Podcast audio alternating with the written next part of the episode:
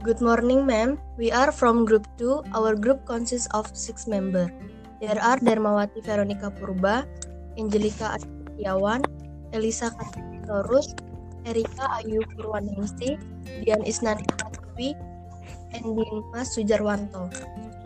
Now we will show you a discussion about how to make a question sentence from a narrative text. Well, this is question number one from Icha. This question is taken from text 5. That is, what caused Malingkundang is mother to feel sad and angry? Because Malingkundang who is already successful does not recognize his mother as a biological mother. Okay, next question number two from Elisa. This is a question from text 4. That that is why did the mother feel sad and start crying? And the answer is because her husband had broken his promise.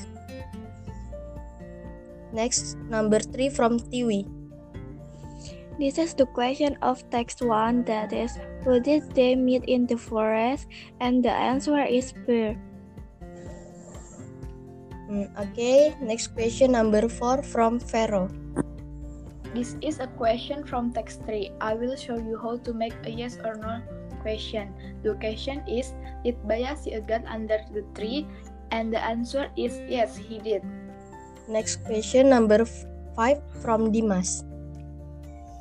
This is the question of text 3 that is, when did Surah and Baya stories happen? And the answer is the event of Surah and Baya stories a long time ago. Okay, last question from Erika. This is education of the text 6. The how did the end dawn? The answer the end accidentally slipped and fell into the water. Okay, ma'am. This is our group presentation on how to make a question sentence using a past tense. Thank you for listening to our presentation. Thank you, ma'am. Thank you, ma'am. né?